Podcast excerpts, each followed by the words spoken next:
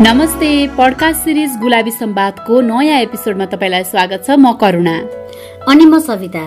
पडकास्टमा हामी यौन तथा प्रजनन स्वास्थ्य र अधिकारका विविध विषयमा छलफल तथा कुराकानी गर्दै आइरहेका छौँ। र यही छलफलको श्रृङ्खला चाहिँ आजको सेकेन्ड सिजनको सत्ताइसौँ एपिसोड हो। र आजको एपिसोडमा हामीले कुरा गर्न लागेको विषयवस्तु चाहिँ यसअघि गरिएका छलफलहरूभन्दा फरक त छ नै। सँगसँगै कमै बहसमा आएको तर छलफल गर्नै पर्ने विषयवस्तु पनि हो। कमै भन्दा पनि करुणा अझ यो विषयमा त छलफलै भएको छैन र मान्छेलाई छलफल गर्नुपर्छ भन्ने पनि लागेको छैन जस्तो लाग्छ कि? र आज हामीले छलफल गर्न लागेको विषय के हो भन्दाखेरि घर बाहिरको काम गर्ने महिलाहरू विवाहका लागि किन प्राथमिकतामा पर्दैनन्? किन अधिकांश महिलालाई विवाह पछि घर बाहिरको काम गर्न दिइन्न र दिइहाले पनि घरभित्रको कामको जिम्मेवारी सँगसँगै अफिसियल कामको जिम्मेवारी पनि सम्हाल्नु पर्ने बाध्यता छ भन्ने बारेमा कुरा गर्दैछौँ। र यो कुराकानीको सिलसिलाभित्र पनि विशेष गरी हामीले गर्न लागेको छलफल भनेको चाहिँ कसरी यो समस्याले महिलालाई लैङ्गिक विभेदको मारमा धकेल्छ? पारिवारिक र सामाजिक विभेदका दृष्टिकोणबाट मात्रै हेरिएको यो विषय चाहिँ कसरी यौन तथा प्रजनन अधिकारसँग सम्बन्धित छ भनेर कुराकानी गर्दैछौँ। करुणा हामीले यति भनिसक्दा चाहिँ हाम्रो कार्यक्रम सुन्दै गर्नुभएको श्रोताको मनमा चाहिँ एउटा स्वाभाविक प्रश्न पनि उठ्यो होला कि। हिजो आज त बिहे गर्दाखेरि केटीको पढाइ केटीले के जागिर गर्ने हो भनेर सोधिन्छ भने कसरी यो विषयमा छलफल गर्न उपयुक्त भयो होला कसरी यो विषय सान्दर्भिक भयो होला भन्ने पनि लाग्यो होला।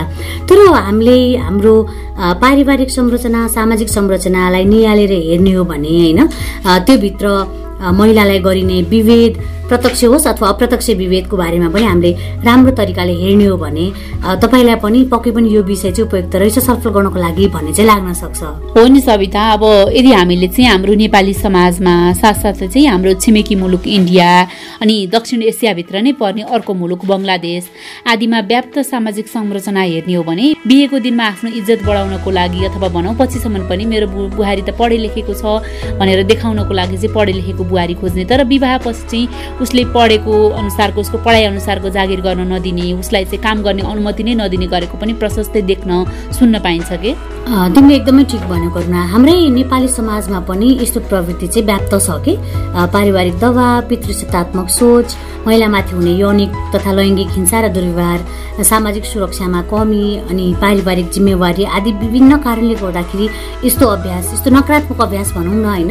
यसले निरन्तरता पाइरहेको छ। हो नि अझ हामीले कति देखेका सुनेका हुन्छौँ नि सविता होइन? विवाहको लागि चाहिँ पढे लेखेको बुहारी खोज्ने डक्टर इन्जिनियर बुहारी खोज्ने अझ होइन? तर तर बिहेपछि भने उनीहरूलाई घर बाहिर गएर काम गर्न नदिने मेरो बुहारी त डक्टर हो मेरो बुहारी त इन्जिनियर हो भनेर चाहिँ आफ्नो सामाजिक प्रतिष्ठा बढाउनको लागि मात्रै चाहिँ पढे लेखेको बुहारी खोज्ने। तर पढाइ अनुसारको जागिर पेसा व्यवसाय गर्न नदिने चाहिँ कति धेरै घटना हाम्रै सोसाइटीमा छ कि अझै पनि? त्यही त भने करुणा। अब यो रिजन त छँदै नै छ। त्यो सँगसँगै घरको काम गर्ने बालबालिका बिरामी वृद्ध वृद्ध आदिको केयर गर्ने जिम्मेवारी चाहिँ महिलाको मात्रै हो भन्ने सोचाइ। अनि घर बाहिरको काम गर्न जाँदाखेरि महिला सुरक्षित हुँदैनन् भनेर चाहिँ प्रत्यक्ष वा अप्रत्यक्ष रूपमा लैङ्गिक विभेद र हिंसालाई प्रोत्साहन दिने प्रवृत्ति पनि धेरै छ।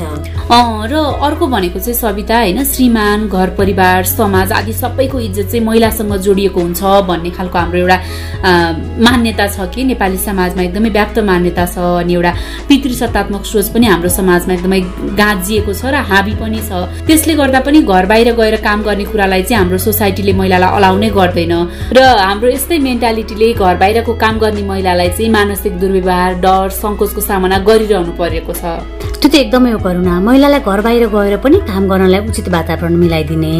महिलामाथि हुने यौन दुर्व्यवहार हिंसालाई निरुत्साहित गर्न हरेक घरले समाजले र राज्यले चाहिँ सुरक्षित वातावरण तयार गरिदिनु त कहाँ हो कहाँ होइन? महिलालाई आफै त्यस्ता घटना हुन सक्छन् कि भनेर संयमित हुनुपर्छ भन्दै उनीहरूलाई चाहिँ घरभित्रै खुम्चाउने प्रवृत्ति चाहिँ हाम्रो समाजमा एकदमै धेरै छ। र यस्तै मनोविज्ञानले गर्दा नि सविता होइन? घर बाहिरको काम गर्ने महिलालाई पनि ढुक्क भएर काम गर्ने वातावरण चाहिँ छैन कि? साथसाथै हरेक दिन आफ्नो पेसा व्यवसायबाट घर फर्किसकेपछि पनि घरको सबै कामको जिम्मेवारी महिला एक्लैले सम्हाल्नु पर्ने बाध्यता पनि थुप्रै महिलाहरूलाई छ। र यस्तै बाध्यताहरूले गर्दा चाहिँ महिलाहरू घरभित्रको काममा मात्रै आफूलाई सीमित राख्दा थोरै भए पनि कामको बोझ त कम हुन्छ भन्ने सोच्छन्। एकदम यो करुणा र हाम्रो यस्तै अभ्यास यस्तै सोच र प्रवृत्तिले गर्दा महिलाहरू आर्थिक अधिकारको पहुँचबाट टाढा हुँदै गइरहेका छन्। र जान्छन् होइन? जसले स्वत महिलालाई आर्थिक रूपमा कमजोर त बनाउँछ नै मानसिक रूपमा पनि यसले कमजोर महसुस गराउँछ। हो नि सविता र महिलाहरू आर्थिक रूपमा कमजोर हुनु भनेको आफ्नो व्यक्तिगत व्यावसायिक तथा सामाजिक जीवनसँग सम्बन्धित निर्णय क्षमतामा पनि कमी आउनु हो र यो निर्णय क्षमताको कुरा भनेको चाहिँ महिलाको व्यक्तिगत जीवनभित्रको पनि अति संवेदनशील विषयसँगको निर्णय क्षमताको कुरासँग पनि जोडिन आउँछ। एकदमै ठिक भन्यो करुणा। भन्नुको मतलब महिला आर्थिक र मानसिक रूपमा कमजोर हुनु भनेको उसको यौन तथा प्रजनन स्वास्थ्य र अधिकारको कुरामा पनि त्यसले प्रत्यक्ष वा अप्रत्यक्ष रूपमा असर गरिरहेको हुन्छ। महिलाको आर्थिक क्षमता र पहुँचमा कमी हुनासाथ त्यसको प्रभाव चाहिँ महिलाको यौन अधिकार प्रजनन अधिकारसँग पनि जोडिन पुग्छ। यौन तथा प्रजनन स्वास्थ्यसँग सम्बन्धित रोजाइ निर्णय तथा आफ्नो यौन चाहना तथा समस्या पनि उनीहरूले राख्न सक्दैनन् सङ्कोच मान्छन् जसले गर्दाखेरि प्रजनन अधिकारको विषयमा पनि अडिक भएर निर्णय लिन सक्दैनन्। हो नि मेरो आर्थिक आम्दानी छैन मेरो हरेक खर्च चाहिँ मेरो श्रीमानले वा उसको परिवारले चाहिँ बेहोर्छ। यस्तोमा मैले श्रीमानले भनेको मान्नुपर्छ उसको परिवारले भनेको मान्नुपर्छ भनेर चाहिँ आफैले आफूलाई कमजोर फिल गर्ने आफ्नो चाहना नभएको बेलामा पनि श्रीमानको दबावमा आएर शारीरिक सम्बन्ध राख्न बाध्य हुने वा परिवार नियोजनको साधन प्रयोगमा पनि श्रीमानको सहजता मात्रै हावी हुने गरेका थुप्रै घटनाहरू पनि हाम्रै समाजमा छन्। हो नि करुणा घरभित्रको काममा मात्रै महिलाहरू सीमित हुँदा बाहिरी दुनियाँ समाजको गति अनि विचारको फराक फराकिलोपना आदिबारे उनीहरूलाई पर्याप्त ज्ञान नै हुँदैन।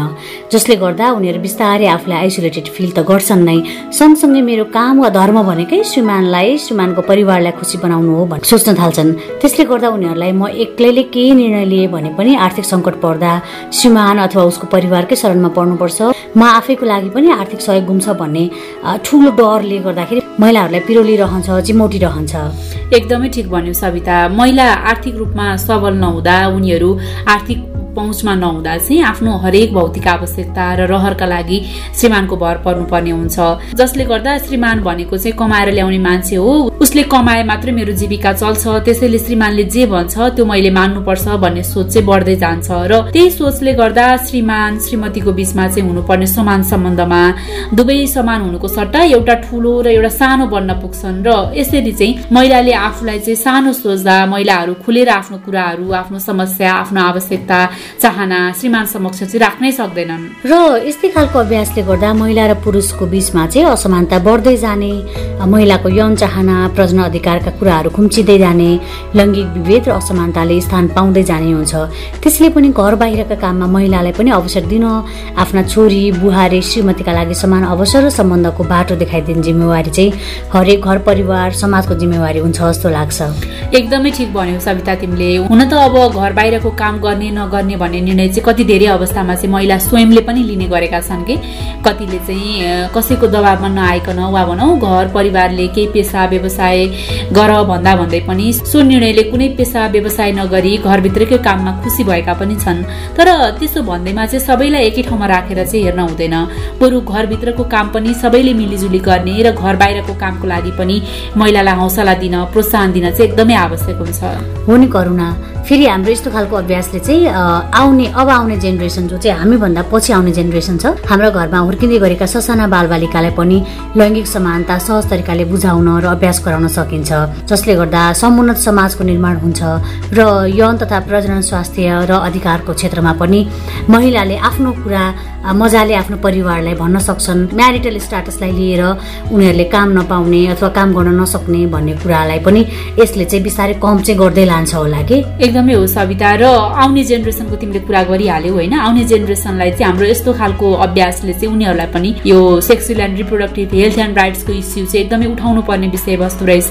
यो विषयको दायरा चाहिँ कति फराकिलो रहेछ कस्ता कस्ता कुराहरूसँग हाम्रो कस्तो अभ्यासहरूसँग चाहिँ विषय जोडिन्छ भनेर सिक्न बुझ्न र त्यसलाई व्यवहारमा लागू गर्नलाई पनि यसले चाहिँ सहयोगी भूमिका खेल्छ। त्यही भएर पनि आज चाहिँ हामीले यो विषयमा छलफल कुराकानी गरेका हौँ र यो विषयमा आज हामीले गरेको कुराकानी छलफल तपाईँलाई कस्तो लाग्यो? आफूलाई लागेको कुरा चाहिँ हामीलाई सेयर गर्न हामीलाई भन्न चाहिँ नबिर्सिनु होला र आफ्नो कुराहरू हामीलाई सेयर गर्नको लागि हामीलाई मेल गर्न सक्नुहुनेछ। त्यसको लागि हाम्रो इमेल ठेगाना रहेको छ Gulabi Sambad at Gmail dot com G U L A B I S A M B A D Gulabi Sambad at Gmail dot कममा हामीलाई इमेल गर्न सक्नुहुनेछ। त्यस्तै हाम्रो विभिन्न सामाजिक सञ्जालमा गएर गुलाबी संवाद सर्च गरेर पनि आफ्नो कुरा सेयर गर्न र हामीसँग कनेक्ट हुन सक्नुहुनेछ। यसै गरी sexual and reproductive health and rights अर्थात् यौन तथा प्रजनन स्वास्थ्य अधिकारसँग सम्बन्धित विभिन्न भोगाईहरू पढ्नको लागि हाम्रो पडकास्ट सुन्नको लागि तपाईँले हाम्रो website W W W dot Gulabi Sambad dot com search गर्न सक्नुहुनेछ। साथै अघि हामीले भनेका विभिन्न ठेगाना मार्फत हामीलाई आफ्ना यौन तथा प्रजनन स्वास्थ्य अधिकारसँग सम्बन्धित भोगाईहरू किशोरावस्थामा आउने विभिन्न खालका परिवर्तनसँग सम्बन्धित भोगाईहरू पनि हामीलाई पठाउन सक्नुहुन्छ। हामी तपाईँको प्राइभेसीलाई मेन्टेन गरेर ती सामग्रीहरू प्रकाशन प्रसारण गर्ने गर्छौँ। त्यस्तै तपाईँले हामीलाई पडकास्टर भन्ने एप मार्फत Gulabi Sambad teen talk search गरेर हाम्रो नयाँ तथा पुराना एपिसोड सुन्न सक्नुहुनेछ भने हाम्रो पात्रो एपमा गएर गुलाबी सम्वाद सर्च गरेर पनि हामीलाई सुन्न सक्नुहुनेछ।